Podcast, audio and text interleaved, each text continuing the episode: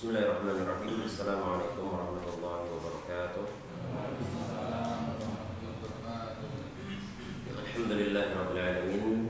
Wassalatu wassalamu ala Rasulillah wa ala alihi wa sahbihi wa man tabi'ahum bi ihsan ila yaumiddin. Amma ba'd. Pada malam hari ini insyaallah kita melanjutkan kajian kitab Ad-Durrul Bahiyah fil Masail al-Fiqhiyah karya Imam Muhammad bin Ali Syaukani rahimahullah. Pada pertemuan terakhir kemarin kita sudah membahas atau menyelesaikan pembahasan bab apa bab tentang jamuan tamu. Ya dan insyaallah e, kita akan masuk pada babu adabil akli bab adab makan.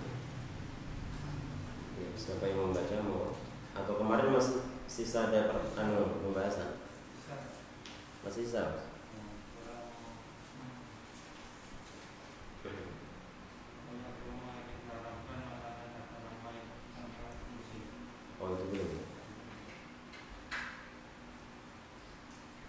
Ya masih uh, ada sisa pembahasan dalam bab apa?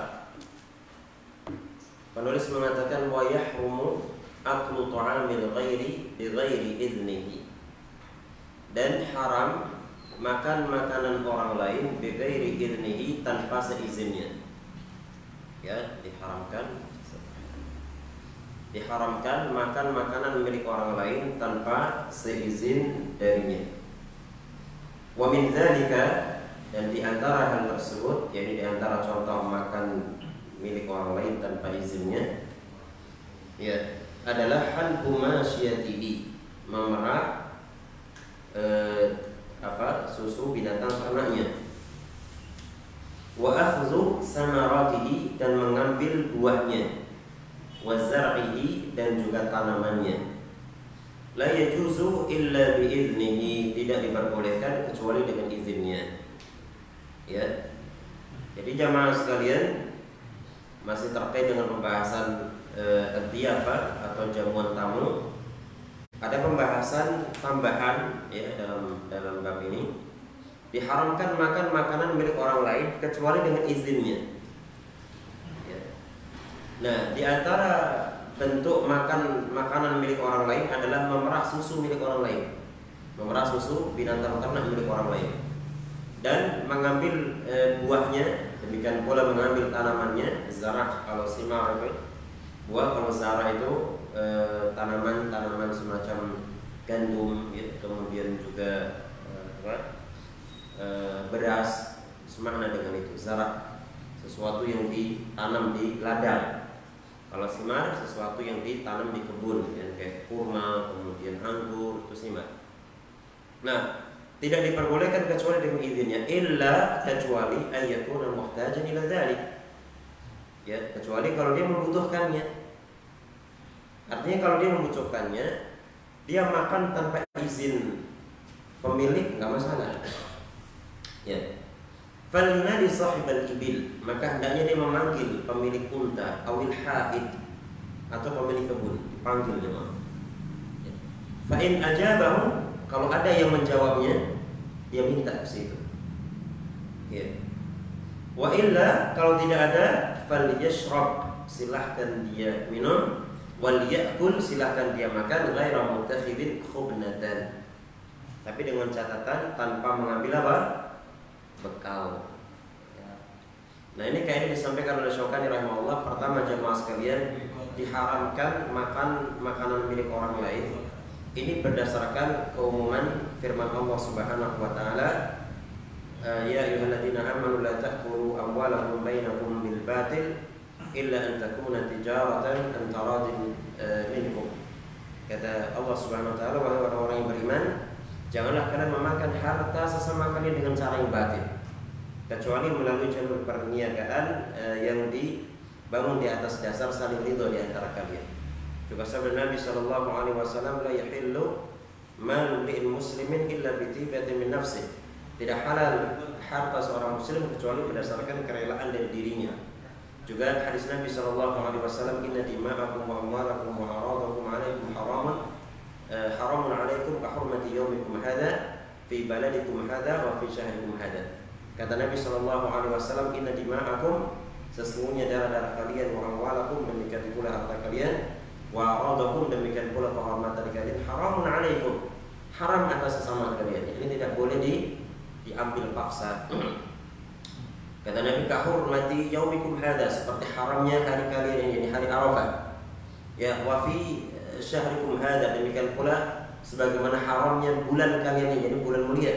Bulan Dzulhijjah wa fi baladikum hada dan sebagaimana haramnya negeri kalian jadi mulianya negeri kalian ini yakni negeri apa negeri negeri Mekah baik ini dalil umum jamaah sekalian terkait tidak diperbolehkan kita memakan harta orang lain dengan tanpa seizin atau kerelaan dari orang lain tersebut.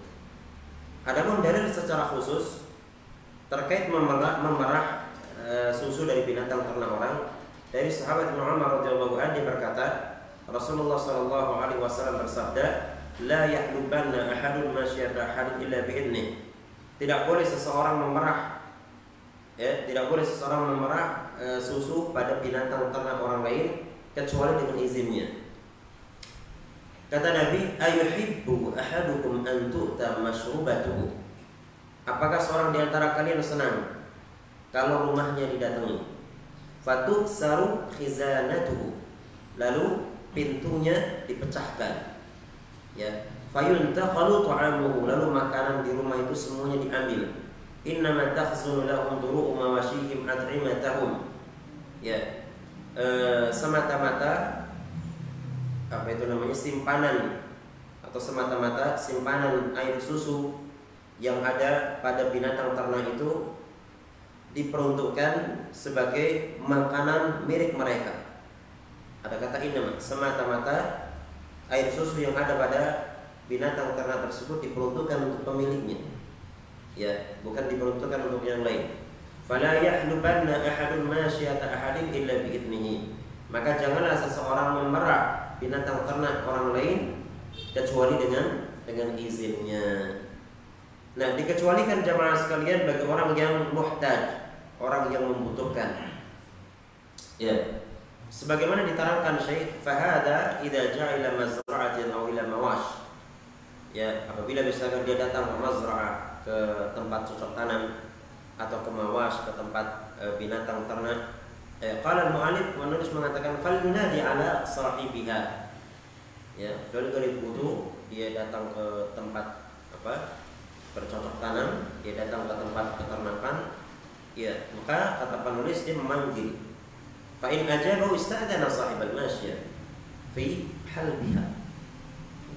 Kalau misalkan orang itu mengizinkan atau kalau orang itu mem, uh, menyambut panggilannya, dia minta izin kepada sang pemilik binatang atau pemilik kebun tadi ya untuk mengambil tanamannya atau misalkan mengambil buahnya ya. Nah walakin laisa ru'aya akhudha khubnatan Akan tetapi dia tidak diperbolehkan untuk mengambil e, khubna. Khubna ini adalah bekal ya, bekal atau apa ya bahasanya. Mengambil. Jadi jadi gini, kaedahnya itu jamaah, kaedahnya kalau misalkan orang itu mengizinkan dia mau ngambil bekal atau enggak itu urusan dia. Diperbolehkan ya. Misalkan Pak saya minta izin ini mau makan ini. Dia ngizinin sudah. Ya, kalau saya ambil ini buat bekal saya jalan boleh apa enggak? Dia bilang boleh, boleh. Sekarang yang nggak boleh mengambil bekal itu sebagaimana disebutkan dalam hadis adalah nggak ada satupun orang yang menjawabnya. Maka dalam hadis Abdullah bin Umar disebutkan Nabi Shallallahu Alaihi Wasallam ditanya anis tamari al muallaqi tentang buah yang masih ada di pohonnya. Faqala Nabi mengatakan man asada fi fihi min dihajatin ghaira mutakhidil khubna fala syai'a Siapa yang makan siapa yang makan buah tersebut ya yang masih tergantung ya. Kemudian dia membutuhkan atau siapa yang makan kan dia membutuhkan ya. Tanpa mengambil khubna tanpa mengambil bekal. Fala syai'a alaihi maka tidak ada dosa bagi dia. Wa man kharaja bi syai'in minhu siapa yang membawa bekal fa alaihi gharamatu mislaihi. Maka dia wajib untuk didenda dua kali lipat. Wal ukubah dan wajib untuk diberi hukuman. Ya, jadi ketika kita lewat suatu tempat lapar nih, gak ada warung, gak ada apa, atau gak punya uang ya kemudian kita ngambil mangga milik orang lain. Boleh nggak dimakan? Boleh tapi catatannya apa jemaah? Manggil dulu sama orang yang nah, dipanggil dulu pak saya minta mangganya. Ternyata nggak ada yang jawab. Ya sudah kalau tidak ada yang jawab diambil saja mangganya. Kemudian dia makan sampai cukup bagi dirinya dan dia uh, silahkan pulang bolehkah dia mengambil bekal membawa ya kresek misalnya di kafe? Ya gimbal ya gimbal itu ya. Ini gimbal boleh apa enggak? Jawabannya tidak boleh jaman. Tidak boleh. Seandainya dia gimbal tadi maka hukumnya pencurian. Ya hukumnya apa? Pencurian. Makanya disebutkan di situ fa'alai gharamatu mislaihi. Ya. Maka dia harus didenda atau dia berhak untuk dijatuhi hukuman denda dua kali lipatnya ya wal uqubah dan diberikan hukuman Ya. Bayangkan jemaah, dia dikasih kesempatan silakan anda makan kalau anda butuh karena bukan milik orang, eh, eh, ada orang yang yang menjawab sementara anda butuh. Tapi ketika anda mengambil, ketika anda mengambil itu sudah lain persoalan. Ya, karena apa jemaah? Karena ini hukumnya hukum darurat. Hukumnya hukum darurat. Ingat eh, pernyataan dari Rasulullah rahimahullah asalnya kita tidak diperbolehkan untuk apa? makan harta orang lain dengan cara yang tidak dibenarkan tanpa izin dari orang tersebut. Asalnya gitu. Ketika ada mangga, asalnya kita nggak boleh makan itu. Kalau tidak diizinin sama orang yang punya. Ya. Tapi karena kita butuh, muhtad, kita butuh, maka jamaah sekalian kita diperbolehkan untuk memakannya. Tapi sesuai dengan kadar kebutuhan. Sudah selesai, ya sudah kenyang, sudah kalau begitu uh, dia silakan melanjutkan perjalanan atau pergi dari tempat tersebut tanpa gimbal tadi. Ya, kalau sudah gimbal hukumnya apa? Pencurian. Ya. Wa man saraqa minhu syai'an ba'da ayyuwiyahu al-jarid. Ya, dan siapa yang mencuri setelah dikeringkan di tempat pengumpulan yakni dia sudah tidak pohon lagi ya sudah diproses sudah dikeringkan di tempat pengumpulan ya siapa yang mencuri di tempat yang sudah e, seperti itu di tempat pengeringan ya. Qasamanal mijan dan telah sampai atau telah e, sampai kepada harga atau telah sampai kepada harga mijan. Mijan itu tameng. Jadi nilainya itu cuma kalau dihitung itu seharga tameng. Ya. Fa'alil qat'u maka dia wajib dihukum potong tangan. Nah walaupun yang diambil apa? Buah cuma. Walaupun diambil buah. Ya. Kalau misalkan dia mengambilnya di kantong itu itu mencapai nilai harga tameng fa'alaihi qata' maka dia dihukum potong tangan ya wa man sarqa duna dan siapa yang mencuri di bawah itu fa'alaihi gharamatu mithlaihi maka dia uh, didenda dua kali lipatnya walau uqubah itu dan diberi hukuman selain hukuman potong potong tangan. Baik. Nah, sekarang jamaah sekalian, harga tameng itu berapa? Ya, harga tameng itu berapa? Nah, disebutkan dalam hadis Abdullah bin Umar bahwa Nabi Shallallahu alaihi wasallam memotong tangan orang yang mencuri fi mijanin yang seharga mijan, seharga tameng. Ya. Uh, samanuhu salah satu darahim. Harganya tiga dirham. Muttafaqun alaih hadis muttafaqun alaih. Ya, harganya berapa jemaah? Tiga, tiga dirham. Ya. Kemudian dalam hadis Aisyah, Aisyah berkata Rasulullah Shallallahu Alaihi Wasallam bersabda, la taqta'u yada sa ya la taqta'u yada sa'riqin illa fi rubu'i dinarin. Janganlah atau la la tuqta'u. Saya ulang la tuqta'u yadu sarikin tidak dipotong tangan seorang pencuri illa fi rubu'i dinarin kecuali mencuri dengan nilai seperempat dinar. Nah, eh, tadi disebutkan nilainya tiga dirham. Di sini Nabi mengatakan tidak. Ya, kalau tadi praktek Nabi ya, Nabi SAW memotong pencuri yang mencuri satu seharga satu satu tameng ya dan harganya disebutkan dalam hadis Umar ini hadis surat Bukhari Muslim harganya tiga dirham ya. Dalam hadis Aisyah Nabi SAW mengatakan tidak dipotong tangan seorang pencuri yang mencuri uh, tidak dipotong tangan seorang pencuri kecuali mencuri dengan nilai seperempat dinar. Ya Syekh Abdul Aziz bin Bas rahimahullah beliau mengatakan bahwa seperempat dinar itu sama dengan tiga dirham ya, ya jadi tidak bertentangan.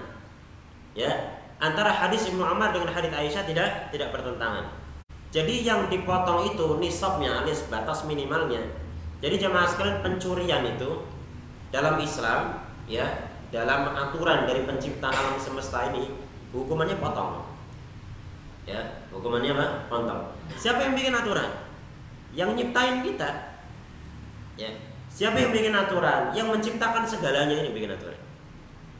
Ya. Nah, aturan dari Allah Azza wa Jalla yang menguasai segalanya ini, kalau orang mencuri, potong tangannya. Tapi ada ketentuan-ketentuannya jemaah. Pertama di antaranya dia mencuri di tempat e, penyimpanan yang layak. Ya, dia mencuri di tempat penyimpanan yang layak. Iya. Nah, itu yang bisa dipotong dengan apa? dengan potong tangan. Kemudian yang kedua, kalau penyimpanan yang layak itu bagaimana? Ya tergantung. Kalau misalkan motor penyimpanan yang layaknya ya di pinggir jalan tuh dikunci stang itu insya Allah sudah sudah layak. Tapi kalau misalkan dia mencuri pada tempat yang tidak disimpan, mencuri sesuatu yang mana eh, sesuatu itu dicuri tidak sedang disimpan maksudnya. Ya misalkan ada HP cuma HP ditinggal di pinggir jalan. Kemudian dia hilang. Apakah hukuman hukuman pencuri tidak. Kenapa? Karena orang ini mengambil bukan pada tempat penyim penyimpanan yang layak. Ya. Dan tentu antara satu benda dengan benda yang lain berbeda-beda. Ya. Emas misalkan penyimpanan yang layaknya di mana? Oh dia mencuri emas di tempat penyimpanan yang layak. Di mana? Di teras rumah. Ya nggak mencuri. Artinya maksudnya nggak mencuri yang dipotong. Nanti hukumannya hukuman yang diserahkan kepada imam kepada pemerintah. Mau dikasih hukuman apa? Hukuman takzir gitu ya. Ini ketentuan pertama. Kemudian ketentuan yang kedua harus mencapai nisab. Ya nisab itu batas minimal barang yang dicuri itu berapa. Nah Nabi Shallallahu Alaihi Wasallam menjelaskan batas minimal barang yang dicuri sehingga bisa diterapkan hukum potong tangan adalah seperempat dinar atau tiga dirham. Nah seperempat dinar ini jamaah sekalian, seperempat dinar ini satu dinarnya sama dengan 4,25 gram emas murni. Kalau emas murni itu berapa karat? 24 24 karat. Jadi emas murni 24 karat seberat 4,25 gram itu satu satu apa tadi? Satu di satu dinar. Nah, dia bisa dipotong kalau mencuri seperempat dinar. Berarti seperempat dari 4,25 gram. Kira-kira kalau saya hitung ya, satu seperempat gram. Oke, laras. Satu satu apa? E, satu seperempat gram. Berarti satu satu per perempat gram. Nah, Berarti jamaah sekalian kalau ada orang mencuri nilainya segitu itu sudah potong tangan. Ya, satu gramnya berapa kalau Mas Murni? Satu juta, Mas Murni ya. Berarti kalau satu seperempat kira-kira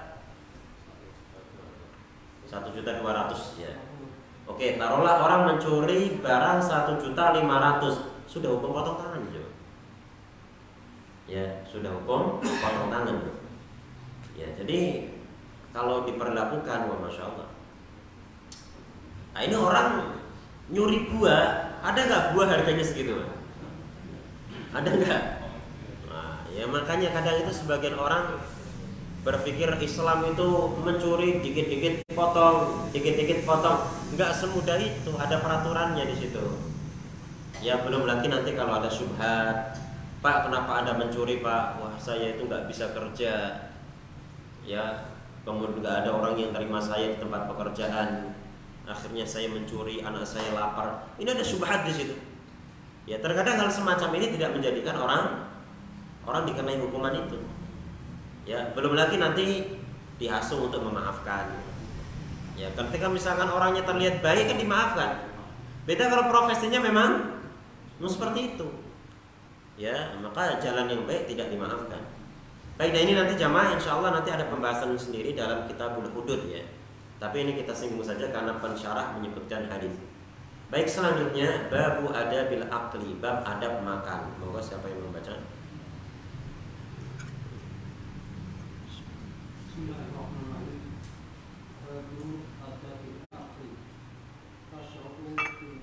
Tushra'u Yushra'u Yushra'u Yushra'u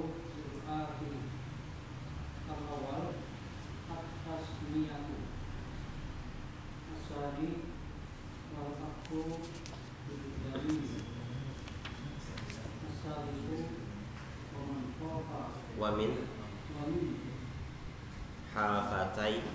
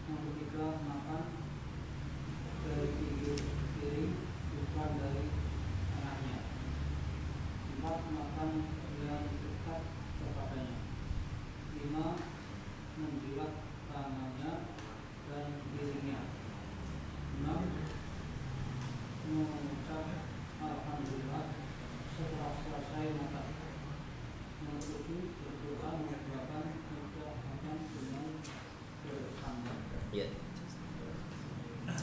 Babu adabil akli, bab adab makan. Al adabu jamu adab kata pensyarah. Adab ini jamak adab ya. Secara bahasa bermana al khaslatul hamidah, perangai yang terpuji. Ya. Wal muradu bihi huna dimaksudkan dengan adab di sini al matlubu syar'an fima yata'allaqu bil aqli. Sesuatu yang oleh syariat dituntut dilakukan ya fima yata'allaqu bil aqli ya. pada apa-apa yang terkait dengan masalah makan fayashmalul wajib wal mustahabba. Maka ada di sini mencakup perkara yang wajib dan perkara yang mustahab. Falaisa min syartil adab an takuna fil umuril mustahabbati. Ya. Bukan merupakan syarat adab atau bukan merupakan syarat sesuatu disebut adab. Kalau itu merupakan perkara yang sunnah saja. Ya falaisa min syartil adabi falaisa min syartil adabi an takuna fil umuri mustahabbati faqat kama yatawahamu al ba'du ya. Bukan merupakan syarat adab ia merupakan perkara-perkara yang sunnah saja. Sebagaimana dipahami keliru oleh sebagian orang. Jadi jamaah sekalian sebagian orang memandang kalau disebut adab berarti perkara sunnah. Padahal enggak ya. Adab itu sesuatu yang dituntut untuk dilakukan terkait sesuatu. Maka mencakup sesuatu yang uh, wajib ataupun yang yang mustahab yang sunnah ulama aidan fil adabi al masail al wajibata bahkan para ulama juga menyebutkan atau memasukkan dalam pembahasan adab permasalahan-permasalahan yang wajib ya. baik nah penulis mengatakan yusra'u lil akhiri atasmiyatu disyariatkan bagi orang yang makan untuk membaca tasmiyah Baca tasmiyah yakni membaca bismillah. Ya. Kalau basmalah baru lengkap bismillahirrahmanirrahim itu namanya apa? Basmalah. Kalau tasmiyah itu cukup membaca bismillah saja. Nah, ungkapan ahli fikih yusra'u disyariatkan itu masih mengandung dua kemungkinan. kemungkinan pertama, kemungkinan pertama hukumnya wajib dan kemungkinan kedua hukumnya sunnah. Nah, jadi dalam matan ini Al-Imam Syukani rahimahullah beliau tidak menegaskan hukumnya apa, wajib apa sunnah. Beliau hanya mengatakan yusra'u disyariatkan ya. Kalau yusra'u ini menunjukkan perkara ini perkara yang apa? E, mungkin wajib, mungkin mungkin sunnah. Nah, di antara yang mendasari disyariatkan yang membaca tasmiyah adalah hadis yang berbunyi ya gulam samillah wa kul bi yaminik wa kul mimma. Wahai anak kecil atau wahai gulam, wahai anak ya, wahai pemuda, pemuda juga gulam ya atau remaja Samillah Bacalah tasmiyah Sebutlah nama Allah Bacalah bismillah Wakul biyaminik dan makanlah dengan tangan kananmu Wakul mimma yalik dan makanlah e, pada makanan yang ada di dekat yang ada di dekatmu. Jadi ada tiga perintah jemaah di dalam hadis ini. Pertama perintah untuk membaca Bismillah. Yang kedua perintah untuk makan dengan tangan kanan dan yang ketiga perintah untuk makan dengan e, perintah untuk makan melalui bagian yang terdekat dengan kita. Nah, nanti akan dijelaskan oleh Syokani. Nah, eh, terkait membaca bismillah ini, bismillahirrahmanirrahim, bismillah, hukumnya diperselisihkan oleh ulama. Ada yang mengatakan wajib, ada yang mengatakan mustahabbah, ya. Kalau menurut eh, pensyarah kitab ini, Syekh eh, Abdul Hasan Ali Ar-Ramali, hukumnya wajib. Ya. Jadi kalau orang membaca, kalau orang mau makan itu wajib baca baca bismillah. Seandainya dia lupa, ya dia ingat di tengah, maka dia membaca bismillah awalahu wa akhirahu. Ya. Namun jumhur ulama, mayoritas ulama berpandangan hukumnya sunnah ya sehingga tidak berdosa ketika orang tidak membaca tasmiyah. Nah terus bagaimana kita jamaah mensikapi hal ini? Nah, amannya ya baca saja kan gitu. Amannya baca saja dalam permasalahan-permasalahan ya di situ ada perbedaan pendapat di kalangan ulama, ada yang mengharamkan, ada yang enggak, maka amannya kita jangan lakukan. Gitu ya. Demikian pula Eh, seperti ini wajib apa enggak wajib membaca bismillah ya amannya kita kita lakukan seperti itu Adapun dasar pensyarah mengatakan bahwa baca bismillah saat mau makan itu hukumnya wajib karena ada perintah Nabi Shallallahu Alaihi Wasallam dan perintah itu hukum asalnya wajib kecuali ada dalil yang memalingkan dan dalam kasus ini tidak ada atau dalam hadis ini dalam persoalan ini maksudnya tidak ada hadis yang atau dalil yang memalingkan dari makna wajib kepada makna makna sunnah. Kemudian selanjutnya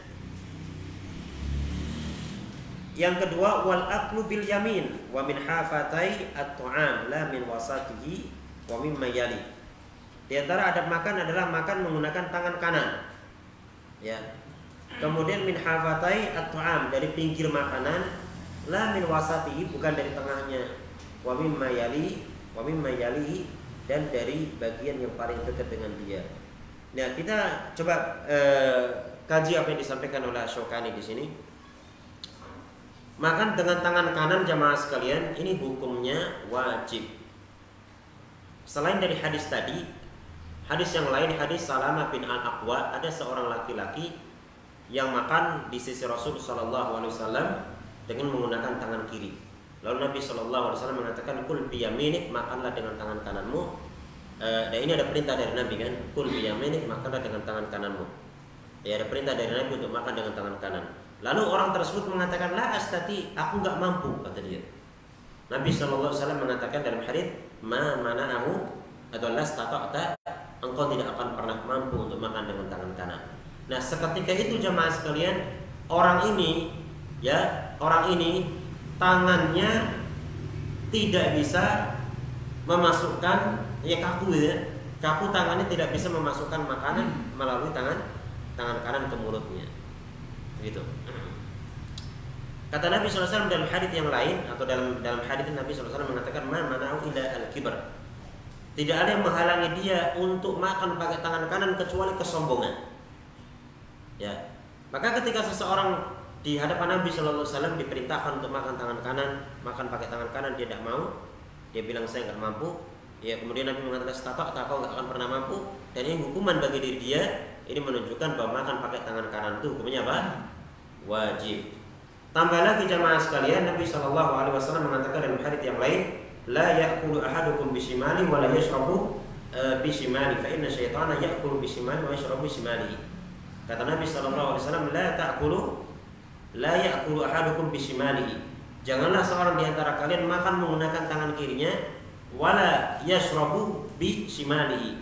Jangan pula minum menggunakan tangan kirinya. Kenapa? Fa inna syaitana fa inna syaitana ya'kulu bishimalihi wa yashrabu bishimalihi. Karena syaitan makan menggunakan tangan kirinya dan juga minum menggunakan tangan tangan kirinya. Berarti jamaah sekalian makan dan minum pakai tangan kiri hukumnya apa? Haram. Ya, dan e, dalam pelajaran usul fiqh ya, sesuatu itu disebut haram di antaranya adalah perbuatan itu disamakan dengan perbuatan syaitan. Ya, perbuatan itu disamakan dengan perbuatan syaitan. Maka karena ini makan dengan tangan kiri disamakan dengan perbuatan syaitan, maka jamaah sekalian makan pakai tangan kiri hukumnya apa? Haram. Termasuk minum pakai tangan kiri hukumnya hukumnya haram. Ya, nah kalau di apa di sini di siaran ini saya makan ini gambarnya pas tangan kiri.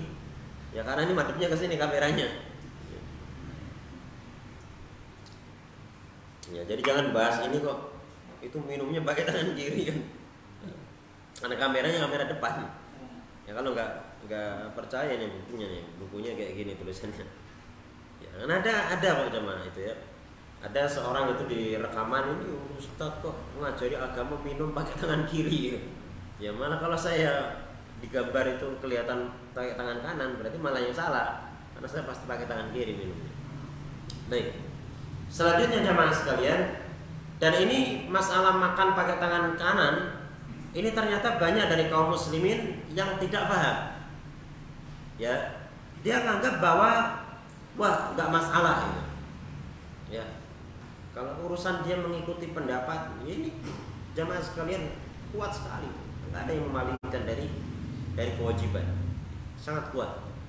Makanya jamaah sekalian harusnya hal ini di disampaikan kepada kaum muslimin agar supaya makan pakai tangan kanan.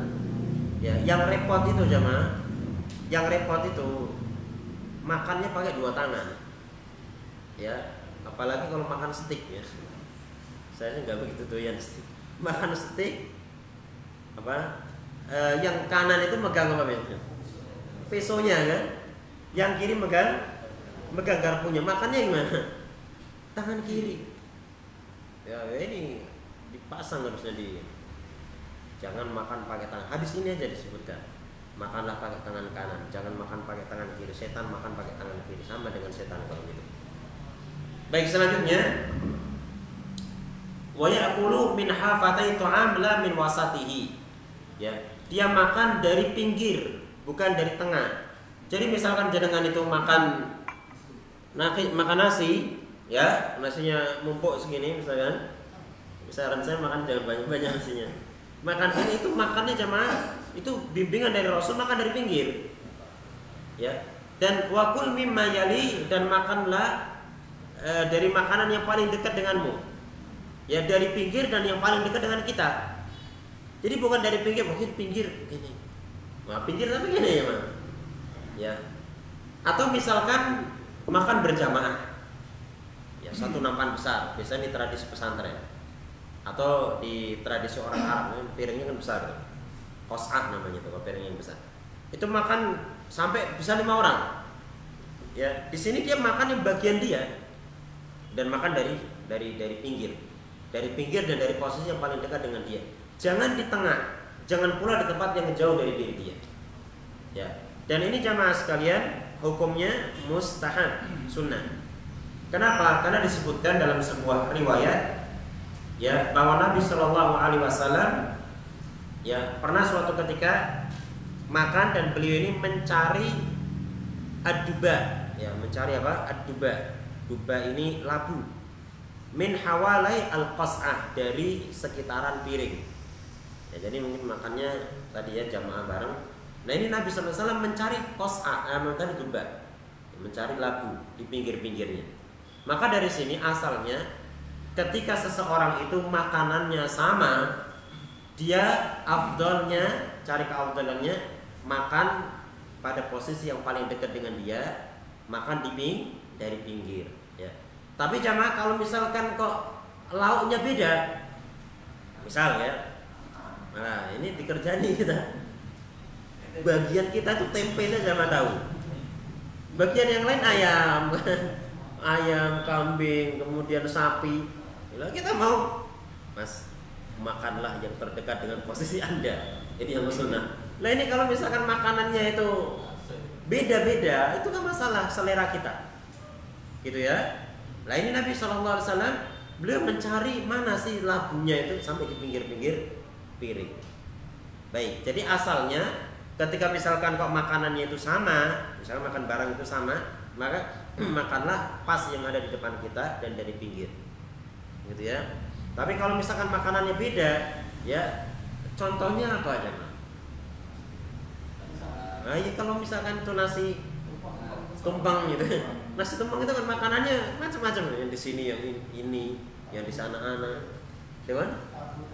Tahu tempenya misalkan oh, pas bagian kita ingkungnya. Ya kita nggak berbicara tumpang yang digunakan untuk syirik-syirik ya. Enggak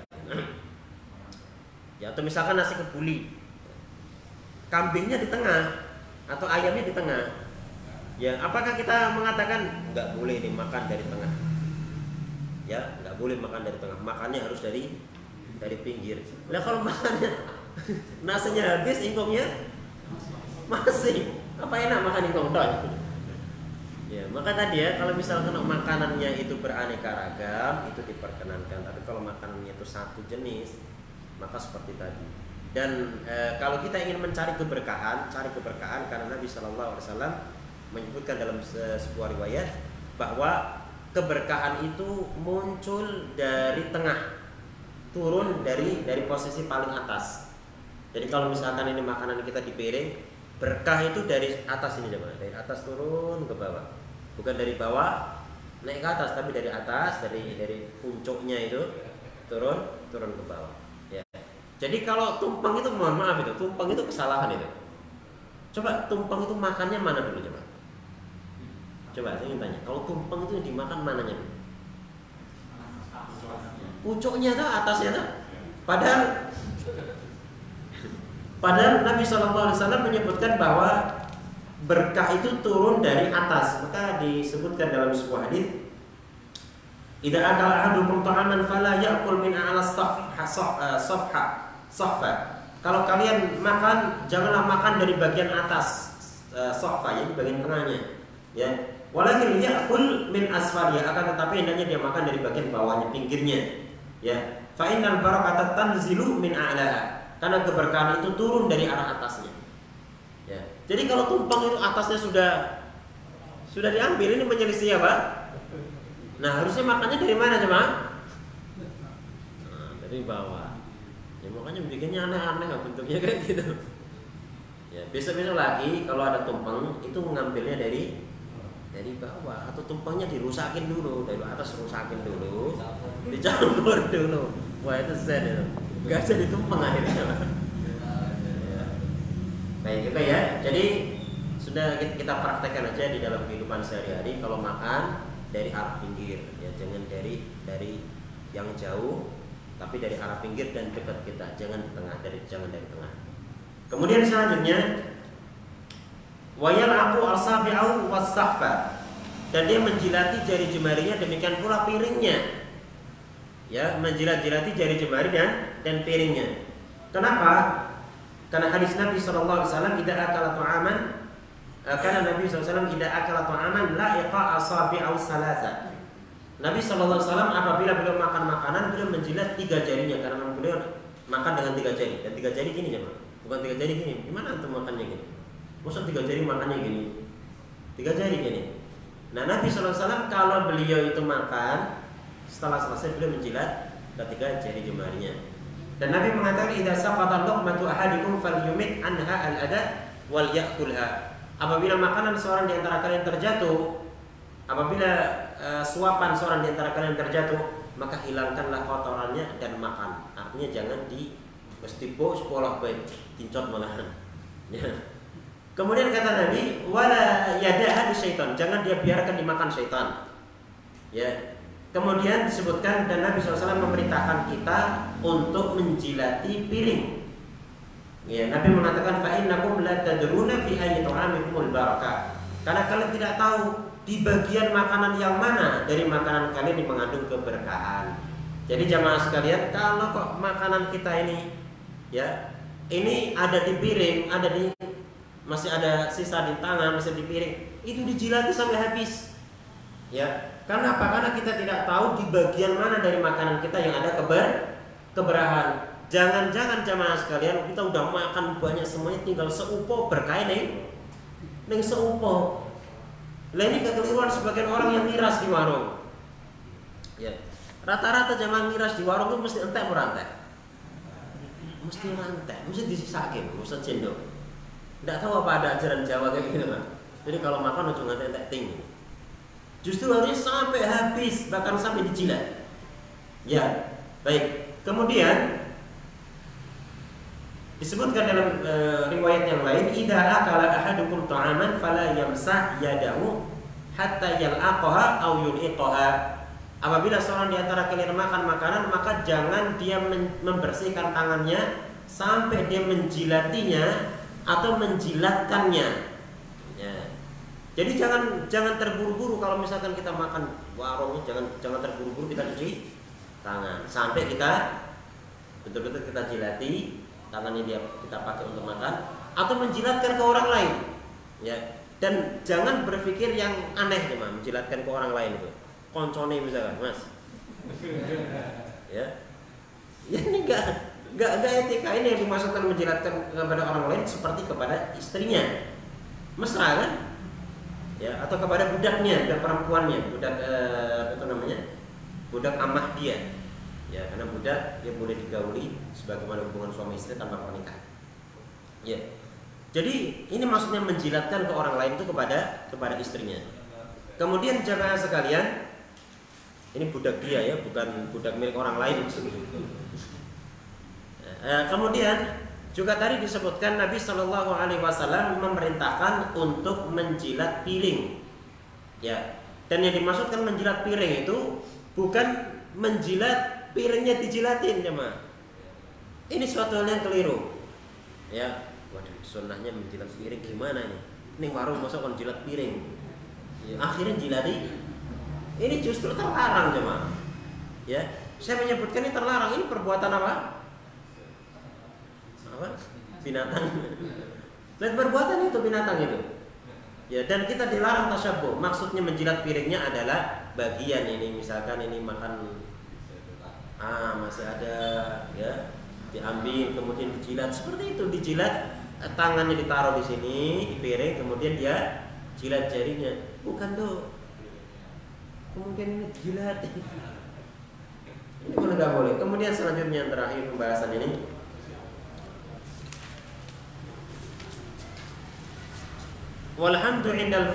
Doa dan membaca alhamdulillah ketika selesai dan membaca membaca doa. Doa-doa yang disyariatkan.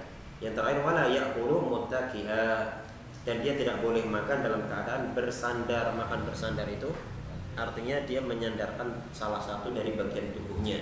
Sebagian penafsiran seperti itu. Misalkan dia makan seperti ini. Ya. Atau sebagian penafsiran makan dengan menyandarkan tangan kirinya ke belakang ya atau misalkan seperti ininya intinya itu mutaking bersandar gitu ya. Jadi kalau makan atau minum tidak boleh tidak boleh bersandar. Ustaz, ada sedikit. Okay. Kalau ada ada undangan makan, mungkin posnya sudah penuh semua. Hmm. Ya. Mereka harus mengatakan berdiri hukumnya gimana? Baik. apa? gimana? Nah, asalnya yang afdol makan itu duduk tapi kalau misalkan terkait makan dan minum hukumnya kan sama ya. Terkait makan dan minum. Lah sekarang kalau misalkan kok berdiri boleh apa tidak makan dan minum dengan berdiri? Ya. yang saya ingat ada riwayat Nabi SAW minum dengan berdiri. Ya ada satu uh, apa kalimat syair. Idza masyaribta fajlis tafus li sunnati sayyidi ahli hijaz faqad nukila syurbuhu qa'iman wa dzalika li bayanil jawaz sebagian ulama buat syair seperti itu. Apabila kau minum maka fajlis tafus duduklah kau akan mendapatkan kemenangan. Karena mengikuti sunnahnya e, pemimpin Hijaz ya, yaitu Nabi Muhammad. Dan ada ada nukilan ya bahwa Nabi SAW minum dalam keadaan berdiri. Maka ini menunjukkan kebolehannya. Jadi wallahu taala alamu bisawab ya kalau kondisi seperti itu pok, e, diusahakan tetap duduk diusahakan tetap duduk ya jadi insya Allah tetap bisa ya. Ya banyak resepsi. Memang ini yang agak agak repot itu bangsa Indonesia itu niru-niru bangsa Barat itu. Ya, makan sambil berdiri itu gimana ya? Ya itu nggak utama ya nggak utama. Wallahu alam tapi kalau misalkan darurat gimana? Nggak ada tempat duduk kita bisa duduk jongkok. Ya duduk duduk minuman sambil sambil jongkok. Atau misalkan ya kalau zaman dahulu kan malah nggak pakai kursi pak ya makannya itu malah leseh lesehan. Dan bahkan ini nanti insya Allah kita akan jelaskan salah satu posisi duduk sunnah ketika makan itu justru di bawah. Kalau dipraktekkan di kursi malah laku ya kalau dipraktekkan di kursi malah malah wagu malah nggak nggak cocok. Malah tepatnya di bawah. Baik ini yang bisa disampaikan. Insya Allah kita akan lanjutkan pada pertemuan yang akan datang. Kebenaran semua dari Allah Taala kesalahan dari saya pribadi dan juga dari setan mohon maaf atas segala kekurangan dan juga kata-kata yang kurang berkenan. Kita tutup dengan doa kafaratul majelis subhanakallahumma bihamdika asyhadu an la ilaha illa anta astaghfiruka wa atubu ilaik. Assalamualaikum warahmatullahi wabarakatuh